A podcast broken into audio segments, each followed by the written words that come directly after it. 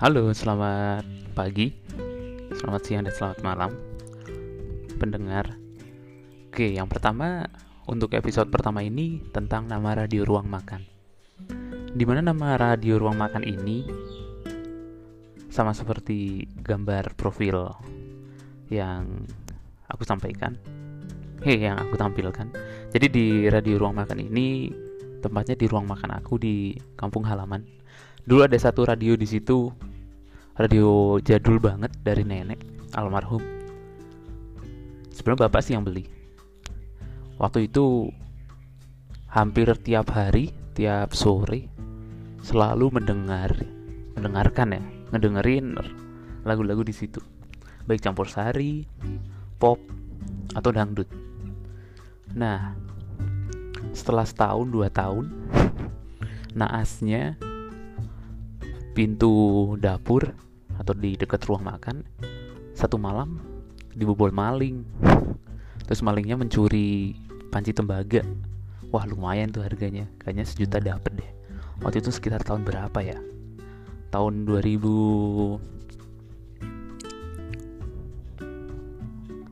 2005 2006 deh kayaknya deh hilang di gondol maling itu sedih banget dia malingnya ngambil tembaga sama radio. Wah yang paling bener-bener aku sedih itu radio. Pada banyak banget kenangan di situ. Nah di radio itu ada amben namanya. Itu tempat kita makan tempat kita cerita tempat kita bercengkrama. Dulu di situ tuh waktu masih bayi tuh sering ditimang-timang ibu tuh dari pakai jarit lurik Jawa gitu.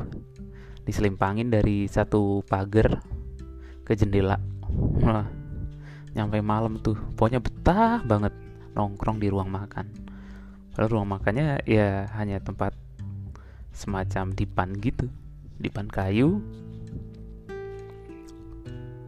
Terus dikasih alas dari daun pandan anyaman ya nah namanya kloso.